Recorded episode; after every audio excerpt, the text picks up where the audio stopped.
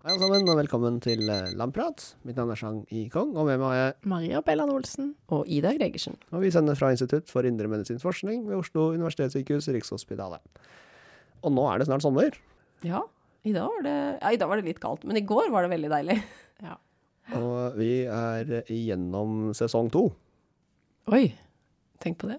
Hvor mange episoder har vi, Chang? Jeg husker ikke, rundt 40 kanskje? Ah, Nærmer seg. Nærmer seg. Vi må ha et sånn eh, Når vi runder 50, så må vi ha en sånn jubileumsepisode. Ja. Ha en, en uh, artig gjest, eller Så bare at du lover det nå, så kommer det sikkert ikke til å bli noe av. Nei, men kanskje hvis noen av lytterne har noen ønsker om hva det skulle vært, da. Hva Ja. temaet skulle vært. Det hadde vært gøy, da. mm. Men Ida, når det nærmer seg sånne tider med fri, hvordan går det med denne lista di? Eh, jo, den har jeg laget, vet du. Eh, men uh, det er ikke så lenge siden, så jeg, må, jeg har ikke liksom fått kryssa ut så mye. Men absolutt, jeg har en før ferieliste, ja. Mm. Ja, Altså Etter at uh, den bobla sprakk, at du drev og skrev lister, så har jo du også begynt å sende små Snapchat-snutter av, av listene dine. Så vi, både Maria og jeg, vi så jo at du har holdt på. Ja, ja, ja, ja. Jeg tenkte at nå, nå skal jeg vise at det jeg gjør det. Det At er det faktisk er sant. Og så var litt sånn hint om at kanskje dere burde gjøre det òg. Nei da. Ja. Nei da, det det er reelt, ja. ja, ja, ja. Altså, men jeg har ikke lagd noe sånn oppstart etter ferieliste. Det, det må jeg faktisk gjøre. For det syns jeg nesten er viktigst. Fordi når man begynner etter ferien, så er det litt sånn å, ja, greit å ha noe konkret å begynne med. Ja, det er helt sant. Men jeg, jeg, må inn, jeg lagde meg en sånn liste i det. Ja. Så hva jeg skulle bli ferdig med før uh, sommer og diverse. Ja. Men jeg finner den ikke. Nei! Så jeg bare, hvor har jeg gjort av det? Har du skrevet det på en lapp, ikke lagd det digitalt? Ja, det er digitalt. Men jeg bare vet ikke hvordan den er lagra, da. Nei, Nei. Altså, nei. så det blir, jeg er litt overgitt over meg sjøl der. Ja, da duger den jo ikke så veldig mye, da. Nei. Du får lage den på nytt, da. Jeg må det. For den fikk ikke et sånn fornuftig filnavn, eller? Bare, Nei, altså, har jeg laga den direkte i kalenderen, eller hvor? Ja, jeg vet ikke. Jeg er litt overgitt der. For jeg husker at jeg satt en dag og var kjempefornøyd og bare nå vil Ida være stolt. Ja, Og så er er den der ikke lenger. ja. Ja. Jeg Du får si kaller den alltid sånn før ferien, typisk. Så da er det jo lett å søke, da. Ja, ikke sant. Men, ja. men jeg har den jo Men når du skriver den lista, så får du det i hvert fall litt mer inn i Ja, hodet. ja. Så jeg Ja. husker sånn tålelig hva jeg skal få gjort. Ja. Men det er jo selvfølgelig et eller annet som eh, er Ja. borte. Altså, det er jo litt kunstig, det har jeg jo sagt før. Og det er jo litt sånn, jeg vet jo det, på en måte. Men det er jo som du sier, man kommer jo litt ekstra på det. Men så er det også fordi det er så deilig å krysse det ut. Så det er jo litt mer sånn, dette har jeg lyst til å få gjort. Og så som tidligere nevnt, så flytter jeg jo noen ganger ting. Hvis ikke jeg får gjort det. Det er sånn, å ja, ja, ja, det får bli etter ferien. Men så er det også noen ganger når du på en måte har gjort en Du er ferdig med en oppgave, og så har du kanskje bare en halvtime eller et eller annet igjen, og da er det, Mm. kan det være litt vanskelig å bare komme på noe effektivt å bruke den tida på. Ja. Og da er det veldig digg å ha en sånn liste. OK, da kan jeg bare gjøre det. Ja, Mm. det er sant. Ja. Ja. det er alltid deilig å ha noen sånn litt sånn hjernedøde oppgaver man kan gjøre når man har litt sånn dødtid og sånn òg. Mm. Så mm. Så det, da blir det mer effektivt. Mm. bra. Men siden sist vi var i studio og snakka sammen, eh, så har det jo skjedd noe hyggelig, i dag. Ja, stemmer. Det var veldig mye fokus på meg. Men Jo. OK, da. Jo, jo, men altså, det, det er jo bare du som har vært gjennom dette siden sist. Ja. Ja, du har Skal gift... jeg si det selv? Ja, unnskyld, vi kan Nei. introdusere. Du har gifta deg. Ja, ja, det har jeg. Mm. Noen syns det er hyggelig å, å få et samme etternavn etter at man har giftet seg. Ja. Men i sånn forskningsverden så kan jo det bidra til litt sånn kluss i datasystemer og litt sånne ting. Uh, ja. ja, det kan det. Så jeg hadde egentlig tenkt å bytte navn, eller i hvert fall legge til Mm. min manns etternavn, da. Men, eh, for jeg syns også det er hyggelig. Og da vil jeg hete det samme som barna og ja.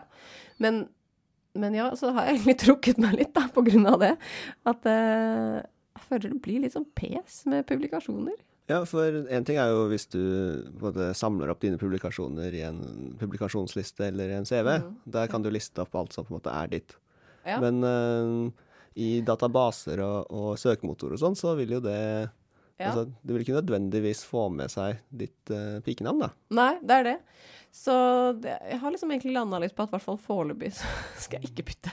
Nei, ikke sant? For det, hvis man da søker opp bare på en måte det nye etternavnet mitt, som det jo sikkert veldig mange bare kommer til å bruke, Mm. så vil det jo kanskje da bare være Ja, eller nå, da. Ingen publikasjoner. Ja. Uh, og det er ikke det at jeg har så veldig mange, men jeg har noen. Så det er liksom Jeg har liksom ikke løst helt det. Men det fins sikkert båter å på en måte sno seg litt rundt det og sånn. Men eh, nei, det, det klusser litt til, altså. Mm. Så jeg har egentlig landa på å ikke bytte. Lurt. Ja. Men jeg tror du kan liksom Ja, du kan jo samle det et sted så, og så si at vet du hva, dette er med, og dette er med. Ja. Og jeg får det litt sånn siden jeg har to etternavn. Ja. Så er det ikke Hvis du søker på meg, så kommer ikke alt opp. Nei. Du, du må på en måte gjøre flere søk, fordi Ja. det kommer mm, Hvis du er medforfatter et sted, og så har de sagt at uh, Bellan er etternavnet mitt, Mm. så kommer det, og ja. Ja, og så er det, søker man egentlig på Olsen, liksom. ja. Ja, ja da, det der, det der er jo holdt på å si komplisert for mange, men da tenker jeg sånn når jeg først bare har ett etternavn, så Ja. kanskje det er unødvendig å kludre det til, liksom. Ja, jeg, Ja. jeg kjenner veldig på at, at, at, At du, skal, litt- ja. at du skal hete noe annet. At det ble veldig rart. Ja da, det er det jo selvfølgelig. Det er jo uvant. Men uh, i utgangspunktet syns jeg liksom det er litt hyggelig. Ja. Men eh, det er liksom ikke sånn Vi er jo gift uansett, så det er liksom ikke det viktigste. Nei. Jeg har av og til det motsatte problemet. At eh, det er andre som har de samme initialene mine og det samme etternavnet som meg.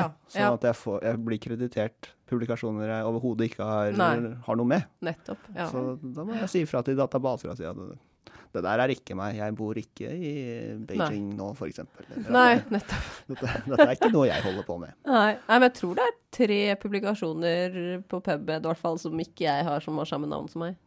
Ja. Eh, men lurer på kanskje det er et mellomnavn også, men som ofte kommer opp, da. Ja. Som jeg må liksom luke ut. Men det er et helt annet fagfelt, så da på Mm. en måte er det liksom unaturlig å ta de med. Men Ja. ja. Men har du noen gang søkt på hvor mange mennesker i verden som heter Shang Kong? Uh, det har jeg ikke. Jeg har ikke googla meg sjøl på en god stund. Men det er du som kommer på topp, liksom? Der. Eh, nei, det vet jeg ikke. Men eh, det er jo noen som har de samme initialene. Om de ikke heter Chang, så har de i hvert fall noe lignende. Ja. Eh, så jeg har jo blitt kreditert forskningen forskning innen brystkreft og Ja. sånne ting som jeg egentlig ikke driver med. Nei. Og Nei, og det er jo vanskelig å, å skille, da, for det kunne du jo på en måte i teorien plutselig vært med på en Ja. studie ikke sant, som hadde noe med det å gjøre. Så det blir vanskeligere for andre å filtre. så da må man uh, si ifra da, om at det, Ja. det stemmer ikke. Nei, nei. Ja ja. Nei da. Det Voldsomme spørsmål her. ja.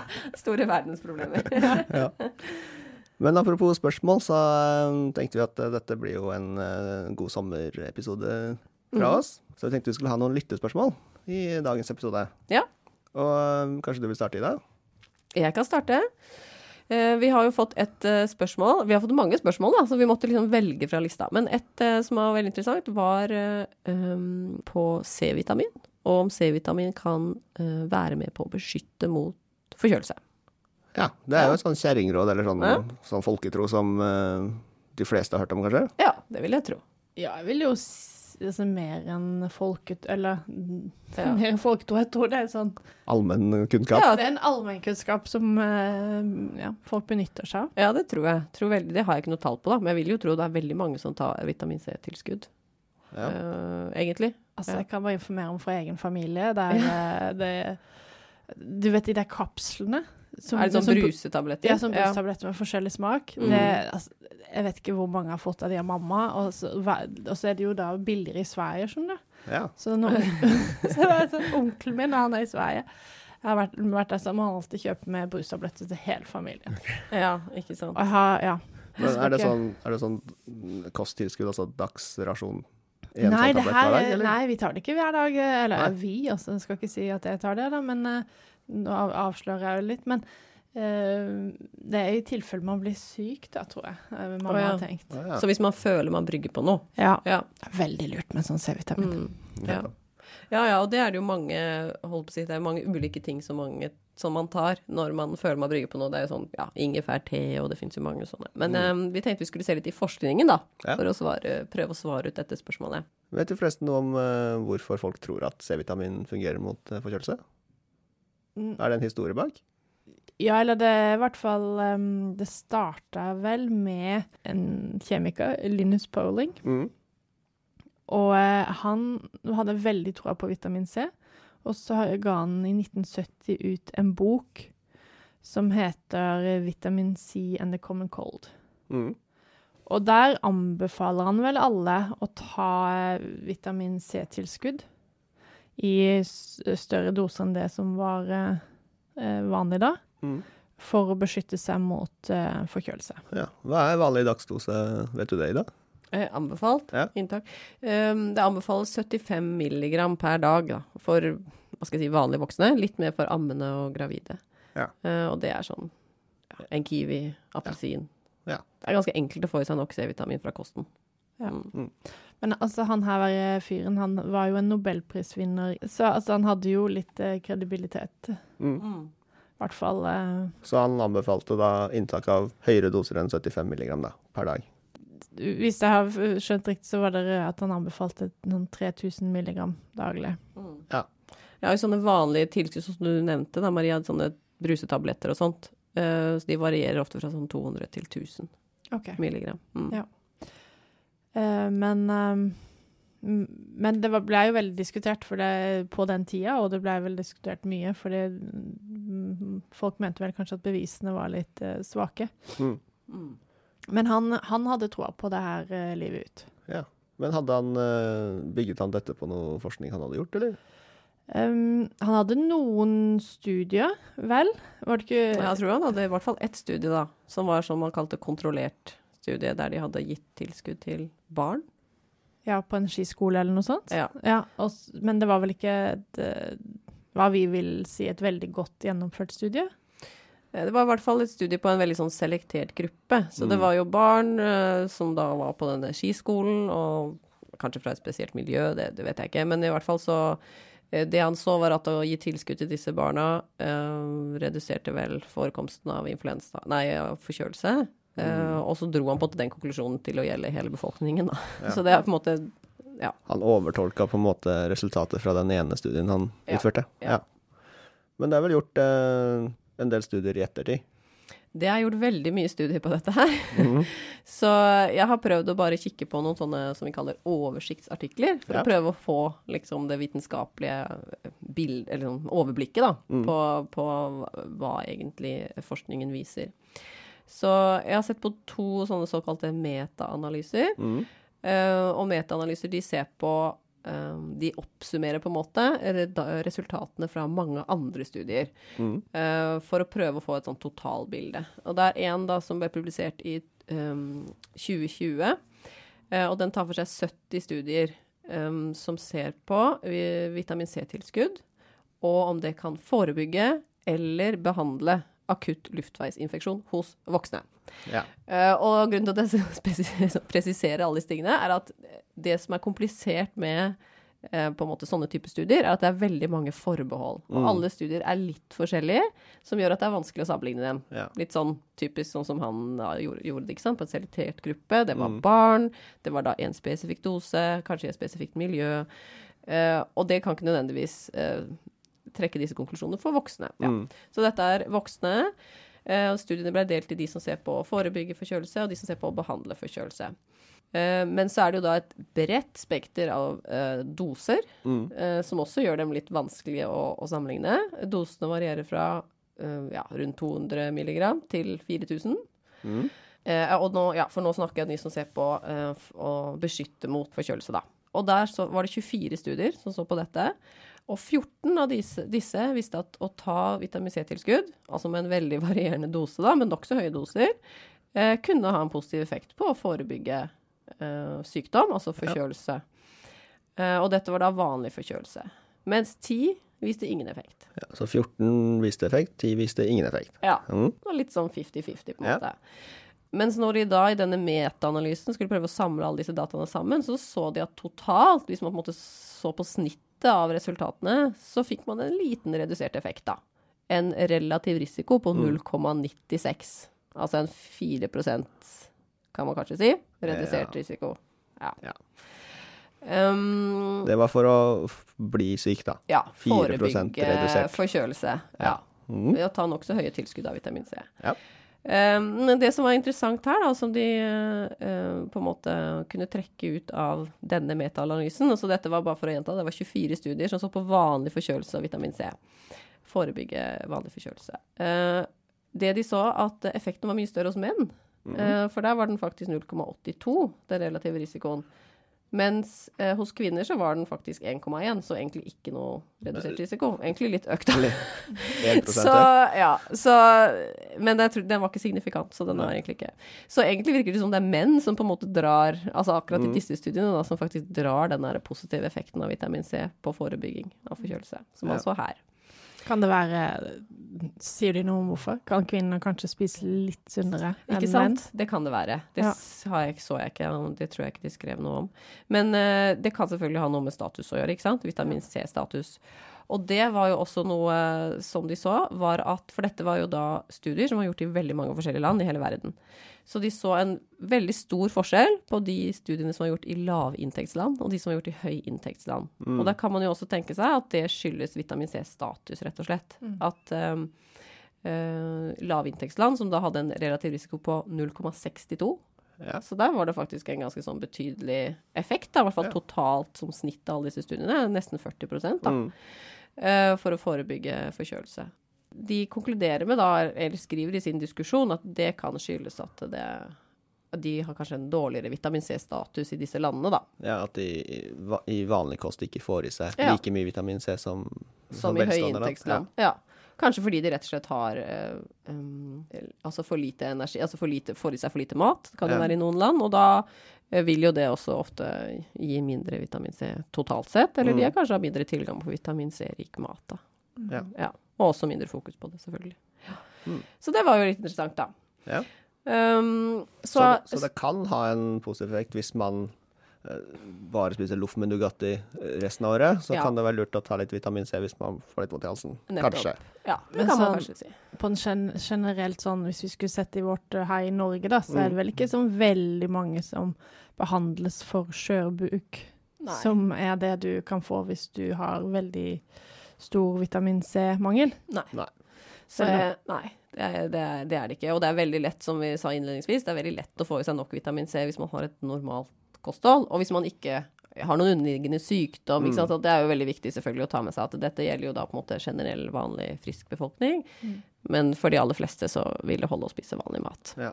Altså videre i denne metaanalysen da, så så de på studier uh, som hadde sett på om vitamin C-tilskudd kunne påvirke varigheten av en vanlig forkjølelse. Mm. Igjen uh, litt bredt spekter av doser uh, og forskjellig studiedesign. Eh, men sånn jevnt over, da, så var det litt over halvparten, eller ca. halvparten av studiene som ikke viste noen effekt. Mm. Um, mens syv viste faktisk effekt på å redusere varigheten, da. Ja. Og så var det noen som hadde litt forskjellig effekt i forskjellige grupper osv.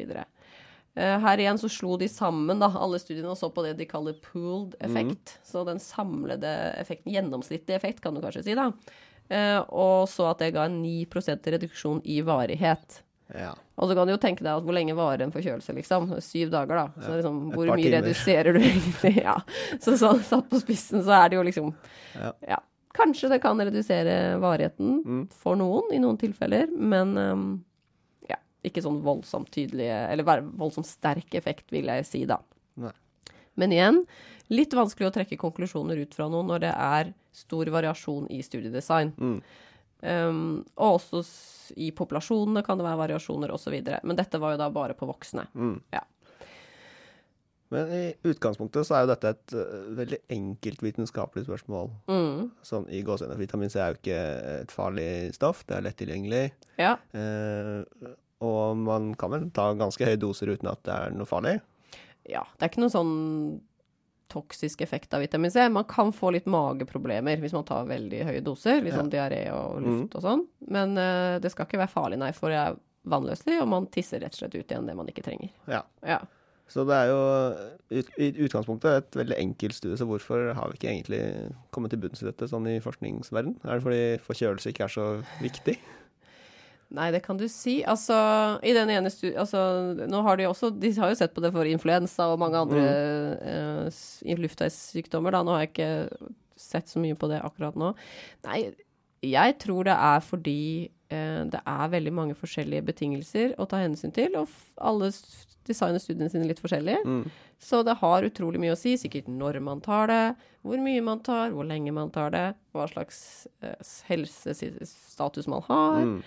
Eh, hvor, altså, hvor ofte man er syk. Altså, det er utrolig mange ting. Da. Hva slags virus det er. Ikke sant? Det er utrolig mange ting å ta hensyn til. Ja. Uh, ja, og da er det vanskelig å få et helt klart svar. Ja, for forkjølelse det skyldes jo veldig mye forskjellige virus og Ja. og det kan jo være hva som helst. Nettopp. Så det er, eh, det er rett og slett ikke noen sånn eh, enkel måte å få til standardisere alle disse tingene på, da. Nei. Og det som også er, når man studerer eh, ja, mennesker generelt, vil jeg si, da. Mm. At mennesker er jo liksom, de er jo frie mennesker som lever rundt og gjør hva skal jeg si, det man vil. Så det har jo veldig mye å si hva man spiser ved siden Mm. av. Om man faktisk tar det man sier, om man rapporterer riktig. Ikke sant? Det er veldig mange ting å ta med inn i beregningen her, da. Mm. Så skal det nok ganske store grupper til. Altså du må ha mange mennesker med i studien for å se effekter. Uh, ja, så det er uh, Og så vil jeg til bare sånn forkjølelsessymptomer, da. Ja. Veldig varierende. Vanskelig å rapportere, kanskje. Mm. Ja. Så Så ja. det er nok uh, mye av det også. ja Så summa summarum, det har kanskje en effekt å spise vitamin C. Ja Men da må du ta det fast. Og det er ikke farlig å gjøre det, Nei. men eh, ikke bli sur hvis det ikke hjelper. ja. Nei, men det som er at for Jeg har også sett på en annen sånn oversiktsartikkel som er nokså lik. Den, den så også på dette på å forebygge utviklingen av forkjølelse. Mm. den tok for seg da 29 studier. Den er litt eh, eldre, den er fra 2013. Eh, der fikk de egentlig ganske samme da, resultater. At eh, her var det da totalt 11 000 deltakere som var inkludert da, i de, alle de studiene. De fikk faktisk ganske likt. De fikk også da en redusert risiko sånn totalt sett, eh, gjennomsnittlig på 0,97. Ja. Og den andre var 0,96. Så Ja. det var ganske sånn jevnt. Men det som var interessant, um, som de så på, det var at de tok for seg også fem studier som så på personer som trente veldig mye. Mm. Eh, det var da det var litt forskjellig, men maratonløpere, skiløpere og soldater, blant annet. Og der så de en samlet relativ risiko på 0,48 på å forebygge forkjølelse. Så det var jo Der er det jo på en måte kanskje noe å hente, da, for f.eks. idrettsutøvere Mm. Uh, på å ta jevnlig tilskudd. Og det, det er jo kanskje ikke så rart, for det, det, det blir jo Du stresser jo kroppen på en annen måte, da. Så det kan jo kanskje være et mer behov, kan man kanskje si, for å Vitamin C er jo viktig for immunforsvaret, blant annet. Da. Ja. Så um, sånn summa summarum for folk flest, så holder det å spise vanlig mat, vil jeg si. Frukt og grønnsaker. Så får du i deg nok C-vitamin. Eh, men er det en eller annen grunn du ikke får i deg eh, nok mat, Mm. eh, så kan man jo alltids ta et multivitamintilskudd. Men det er ikke noen sånn anbefaling om at eh, den generelle befolkningen skal ta noe tilskudd utenom vitamin D i vinterhalvåret. Mm. Men Ida, da bare for å spørre eh, sånn i forhold til de her eh, tablettene som eh, Mm. familien vår har litt mye av. Ja. Eh, å drive og ta de etter du har blitt syk, Mm. er det, er det noe hold i det? Nei, det ser, det ser ikke ut til å være, da. Eh, de fleste studiene her er gjort på eh, jevnlig inntak av vitamin C, og der ser det ut, som vi da har sagt, at det kan hende at det for noen kan hjelpe på å forebygge eh, forkjølelse, eh, og også kan i noen tilfeller redusere eh, forløpet noe. Men eh, igjen, eh, ganske få prosent, så liksom, ja. Om det er noe sånn reell eh, Om det har noe egentlig å si, det kan man jo diskutere. Men det med å ta eh, vitamin C som, som en medisin når du begynner å bli syk, det har ikke vist noen effekt på varighet av sykdom. Nei. Akkurat som jeg trodde. Men hva skal du, altså, hvor mye vitamin C er det du har hjemme?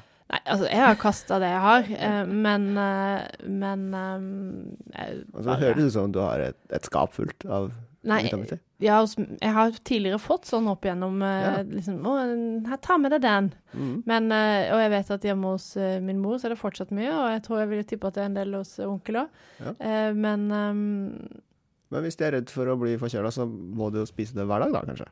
ja, og det, det er jo det jeg at de, de gjør jo De spiser jo vanlig mat hver dag, så de, De trenger strengt talt så trenger de det ikke. Nei. Men, um, men jeg tror den placeboeffekten eh, funker fint. Ja, men, Ja. men det tror jeg er et viktig element for mange, da. Ja. At du føler liksom at du gjør noe. Ja. sånn 'Å nei, nå brygger jeg på noe. eh, jeg skal noe viktig.' Eller sånn jeg, 'Jeg føler ikke jeg har tid til å bli syk nå', for det har man jo aldri. Nei. Jeg tar det her. Og så kanskje man liksom føler seg litt bedre, da. Ja. Og det tenker jeg at da er det greit, liksom. Gjør det. Ja. Men det, det som på en måte er viktig, er at ikke man skal føle at man må det, da. Mm. Det er jo liksom det, kanskje det viktigste med sånn tilskudd. Uh, og det koster jo ofte mye penger. Eh, og jeg tenker at uh, det som også er på en måte et viktig element med tilskudd, det er at én ting er vitamin C, som sannsynligvis ikke er noe farlig. Mm. Eh, det er at kanskje det er vanskelig for, for hvermannsen å skille at ja, vitamin C det kan jeg ta mye av, og det går fint, mens f.eks. vitamin D som er fettløselig, det Ja. er jo ikke lurt å ta for mye av. Nei. For det lagrer seg jo i Mm. leveren og i kroppen, og det kan være farlig. ikke sant? Så det, det er liksom også det, da, at man på en måte Stort sett trenger man faktisk ikke å ta tilskudd. Mm. uh, og da kan det være litt sånn dumt å, å på en måte anbefale det, tenker jeg, i hvert fall når det ikke er sterke holdepunkter for at det har noen effekt. Absolutt. Men da har vi et uh, annet spørsmål også, fra en lytter som heter eh, Leo. Han lurer på, eh, når vi bruker musemodeller i forskning, hvor like er de mennesker med tanke på da gener og celler? Mm. Ja, det er et veldig godt spørsmål. Eh, vi er jo veldig like. Ja, likere enn vi liker å tro, kanskje? Altså, Ser helt like ut. ja. Jo, men når du Ja, det, er fa, fa, sånn innvendig så ser vi jo forholdsvis like ut, selv om Ja. man er forskjellig dimensjon, da. Mm. Men eh, på genetisk sett Mm. så vil det jo Det avhenger litt av hvordan man beregner det, og eh, hvilken musestamme man har. Mm. Eh, men da er det fra 95 til 97 eh, likhet i Ja. det genetiske materialet vårt. Mm. Mm. Men selvfølgelig så um, Det er rart å tenke på at det er 3% som skiller oss fra mus. Ja. Sånn, på, gener. På Ja, det er ja. veldig rart. Ja, det er kjemperart. Men, Men det er jo de genene man har, ja, og det er jo ikke nødvendigvis de gjør jo ikke alt selv. Man trodde jo den gang i tida at hvis Ja. man bare eh, fant ut av hvor genene så fant man ut av alt. Men Mm. det reguleres jo på så mange nivåer Mm. eh, under eh, genene, eller Mm. også Så det er bruken av genene som skiller oss mest, da, kanskje. Selv om vi har det samme genet, så kanskje får vi ikke det helt samme proteinet. Mm. Um, og så kanskje snakker ikke det proteinet helt likt med et annet protein i menneskecellene som i musecellene. Mm. Så de kan ha litt forskjellige funksjoner, og ja, cellene kan prate sammen på litt andre måter. Mm. Så man har jo Vi ser jo det, at selv om vi finner ut av hvordan ting funker i mus, så er det jo ikke alltid det er sånn i mennesket. Mm. Det er jo egentlig et stort problem. Mm. Ja. Men likevel så er vi jo like nok til at de fungerer som en modellorganisme. Da. Sånn at eh, mye av det vi finner ut i mus, eh, kan eh, indikere at det samme skjer hos mennesket. Absolutt. Mm. Men, men ja, det, vi har jo snakka om det før. fordi hvordan vi forsker på mus, så putter vi det jo i, i, på et laboratorium som gjør at alle andre ting rundt kanskje eh, litt sterilt i forhold til hva det ville vært i den virkelige verden. Mm. Og da blir kanskje reguleringen av de genene de har, litt annerledes enn hvordan våre gener reguleres. Litt sånn epigenetiske Mm. eh, påvirkninger, da. Ja. Så da kan man ende med å få skyve forskjellene enda mer Ja. enn hva kanskje en eh, mus ute i naturen Ja, hvor forskjellig den er for oss, da. Ja. Ja. Og det er jo på en måte både fordelen og utfordringen med eh, forsøksdyr og et forsøksoppsett. At det skal være kontrollert, for du vil ikke ha noen påvirkning fra utsiden. For du vil bare se på akkurat det du studerer, og Mm. effekten av det. Mm. Men det er jo ikke sånn livet er. Så det er liksom Det er fint akkurat for å se på akkurat det, men så Mm. skal man ta det ut i den virkelige verden, da. Og mennesker er jo ikke i bur, på en måte. Nei. Nei. mm. Men det her tar jo oss da videre til et annet spørsmål, Ja. som jeg husker at vi fikk, Mm. eh, som vi har på lista i dag. Eh, for da, hvor mange forsøk må man gjøre på mus før man tør å gå over på menneske? Ja. Ja, det varierer nok veldig på hva slags studie det er snakk om, og Mm. hva man tester og gjør. Mm. Tror jeg, jeg tror ikke det er noe fasitsvar på det. Nei, det tror jeg ikke. Også, ikke sant? Vi gjør jo mye studier på mus, som ikke nødvendigvis skal testes direkte på mennesket Mm. også. For én ting er jo sånn du skal sjekke effekten av et legemiddel, da. Det vet du at du skal ha direkte. Men vi studerer jo også mye mekanismer. Det er jo ikke nødvendigvis noe som på en måte skal testes direkte i mennesker, selv om vi bruker kunnskapen, da. Mm. Men gitt at vi skal teste et medikament, da, Mm, ja. da må det jo på en måte Vi må jo se at det ikke er farlig for musene, og at den har den effekten vi ønsker oss. Mm. Og det må man jo se flere ganger. Ja. I flere forskjellige labber og Mm. ofte. Ja. Ja, og så må du vel, hvis du skal sjekke om et medikament er trygt, så må du jo også gi høye doser og se hvor mye tåler man, da. Mm. På mus, ja. Mm. Ja. Mm.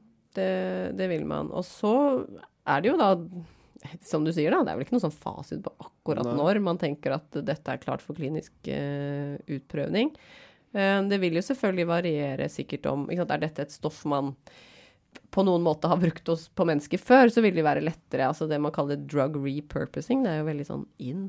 Gjenbruk. Det er jo, gjenbruk er jo inn i hele samfunnet. Men at hvis det er et medikament man f.eks. vil teste på en annen sykdomsgruppe enn man har godkjenning på fra før, så er jo veien kortere til de humane eller til menneskestudier. Men eh, hvis det er noe helt nytt, så må man jo aller først teste om det er trygt. Mm. Ja. Så må man jo søke, tenker jeg, er jo liksom noe av det aller første man gjør, selvfølgelig, er jo å søke godkjenning fra da etisk komité, som det heter, regional etisk komité, Mm. som bestemmer da egentlig, egentlig alle studier vel som skal gjøres på mennesker. Mm. Det er bra i er Norge, da. I Norge. I Norge. Mm. Eh, så det første, hvis vi skal ta bare i hvert fall de første stegene av kliniske utprøvninger, ja. Eh, fase én kaller man da liksom det Mm. første steget. eh, og det er liksom første utprøvningen av et, for f.eks. et medikament på mennesker. Eh, og da tester man ofte på friske. Ikke nødvendigvis på den sykdomsgruppen man skal studere, men man vil se om er dette trygt for friske mennesker. Mm.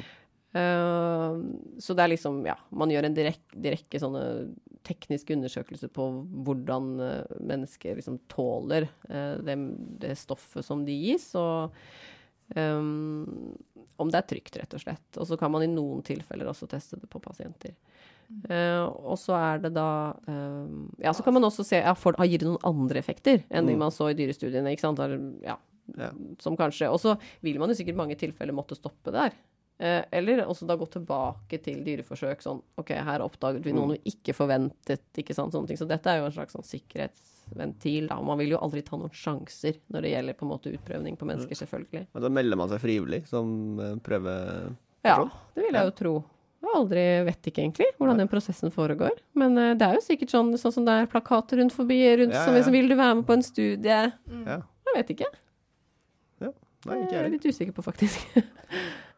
ja, og så hvis man eh, på en måte får en godkjent fase 1-studie, da, og det, dette er- viser seg å være trygt på friske mennesker, så går man da videre til en fase 2-studie som da går mer på um, dosetilpasninger. Eh, Mm. Da ser man ofte på den aktuelle pasientgruppen som man tenker at medikamentet skal brukes til.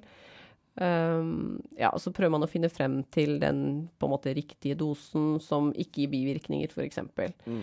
Eh, og også hvordan legemidlene påvirker andre legemidler. Eh, veldig mange pasientgrupper tar mange forskjellige medisiner, så man vet på en måte må med i beregningen. Da. Det, det tar tid, da. Det kan ja. si. Dette er jo sånn som tar mange år. Mm. Um, Og mange Og- vil vel kanskje stoppe der. ja, ikke sant. Mange ting vil aldri på en måte bli godkjent til Mm. slutt. Ja. Eh, og så er det da videre til fase tre, der man ser på større pasientgrupper osv. Ja. Så Det er mange faser og mange sånne sjekkpunkt man må gjennom. Ja. For, uh... veldig, veldig mange. Ja. Og så er det jo også da videre i, i hvert fall i fase fire, ser man ofte på langtidseffekter. ikke sant? Sånn, Ja. Pasienter som kanskje går på dette på enten over lang tid, eller hvordan, hvordan er effektene etter lang tid. ikke sant? Mm. Så det er, det er veldig mange kontrollpunkter som heldigvis da, Ja. legemidler eh, skal gjennom før de eventuelt godkjennes. Så veien fra dyreforsøk er lang. og takk til Markus som eh, sendte Mm. det spørsmålet til oss. Mm. Men eh, apropos når vi snakker om legemidler og sånn uttesting og sånn. Kosttilskudd, de må ikke gjennom samme rigide test. Nei. Nei, dessverre.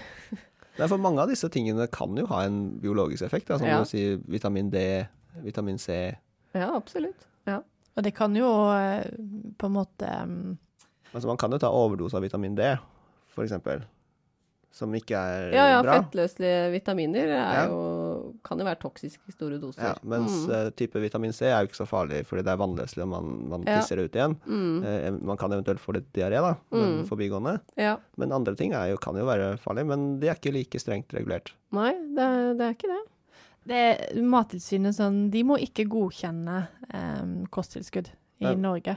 Men eh, det er da virksomheten, eller de som lager det kosttilskuddet, det er deres eget ansvar å sjekke at det er trygt. Mm. Og de må da gå god for at det de selger, er trygt.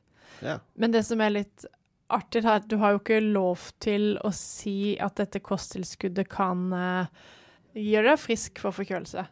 Men du, du kan si at dette kosttilskuddet kan bidra til God normal helse eller normal Ja. Ja. Mm. Ja, normal funksjon, Mm. egentlig. Du kan ikke si at det kan forbedre noe, men du kan si at det kan være med å opprettholde normal funksjon. Ja. Mm. Så du kan si dette kan gjøre at du uh, holder deg frisk, men Ja. ikke si dette Gjør deg frisk. gjør deg frisk, eller Ja, nettopp. Det det er frisk, vage grenser, altså. Ja, det er jo det. Og det som kan være litt sånn skummelt med, med tilskudd, er at uh, ja, noe kan man ta i for høye doser, men noen um, kosttilskudd som Mange tenker sikkert liksom, kosttilskudd er så uskyldig, Mm. uh, men det kan også interagere med mange medikamenter, da, eksempel. Så for eksempel jern og kalsium, og også sånn johannesurt som Mm. tar. Ja, alle de kan liksom på, påvirke andre ganske vanlige legemidler. Så jeg tenkte liksom, sånn gyllen regel er alltid liksom lurt i, å ta sånne ting i samsvar med lege. Uansett. Eller i hvert fall forhøre seg på apoteket, som liksom minstekravet, da. Ja. Altså bare sånn, Vi testa jo ut et uh, kosttilskudd i en sånn sykdomsmodell Mm. i, på hjertet på, på den Ja, ja, musene. Og der, det som var litt skremmende der, var at eh, i de friske kontrollmusene så så vi liksom endringer i, um, i mitokondriene inni i hjertemuskelcellene. Ja. Det er energikraftverket til cellene. Ja, hvordan de var stru, altså strukturene, hvordan de snakka sammen, ble endra. Mm. Og det i kontrollene. Og det her var selvfølgelig Det, det her var mus, det er ett studie, men Ja, eh, allikevel uh, så kan det være at eh, det, mm, det i friske Mm. bør du ikke ta det, fordi det, altså, det, alle de her eh, eh, vitaminene og tilskuddene, de er jo, det er jo en balanse der. Mm. Så de vil jo forskyve eh, de biokjemiske prosessene på et vis. Og så kan det være uheldig da, hvis du faktisk har en Mm. riktig balanse og ikke er syk. Ja. ja, ja, og de er jo ofte i veldig høye doser. Ja. Eh, sånn mye mer enn man på en måte nødvendigvis trenger, da. Så det er jo derfor ofte det, hvis man på en måte, hva skal jeg si, føler at man har lyst til å ta noen tilskudd, man føler man får i seg litt lite, kanskje frukt og grønt, eller så er det på en måte multivitamin som er anbefalt, fordi der har du på en måte balansen litt mer intakt.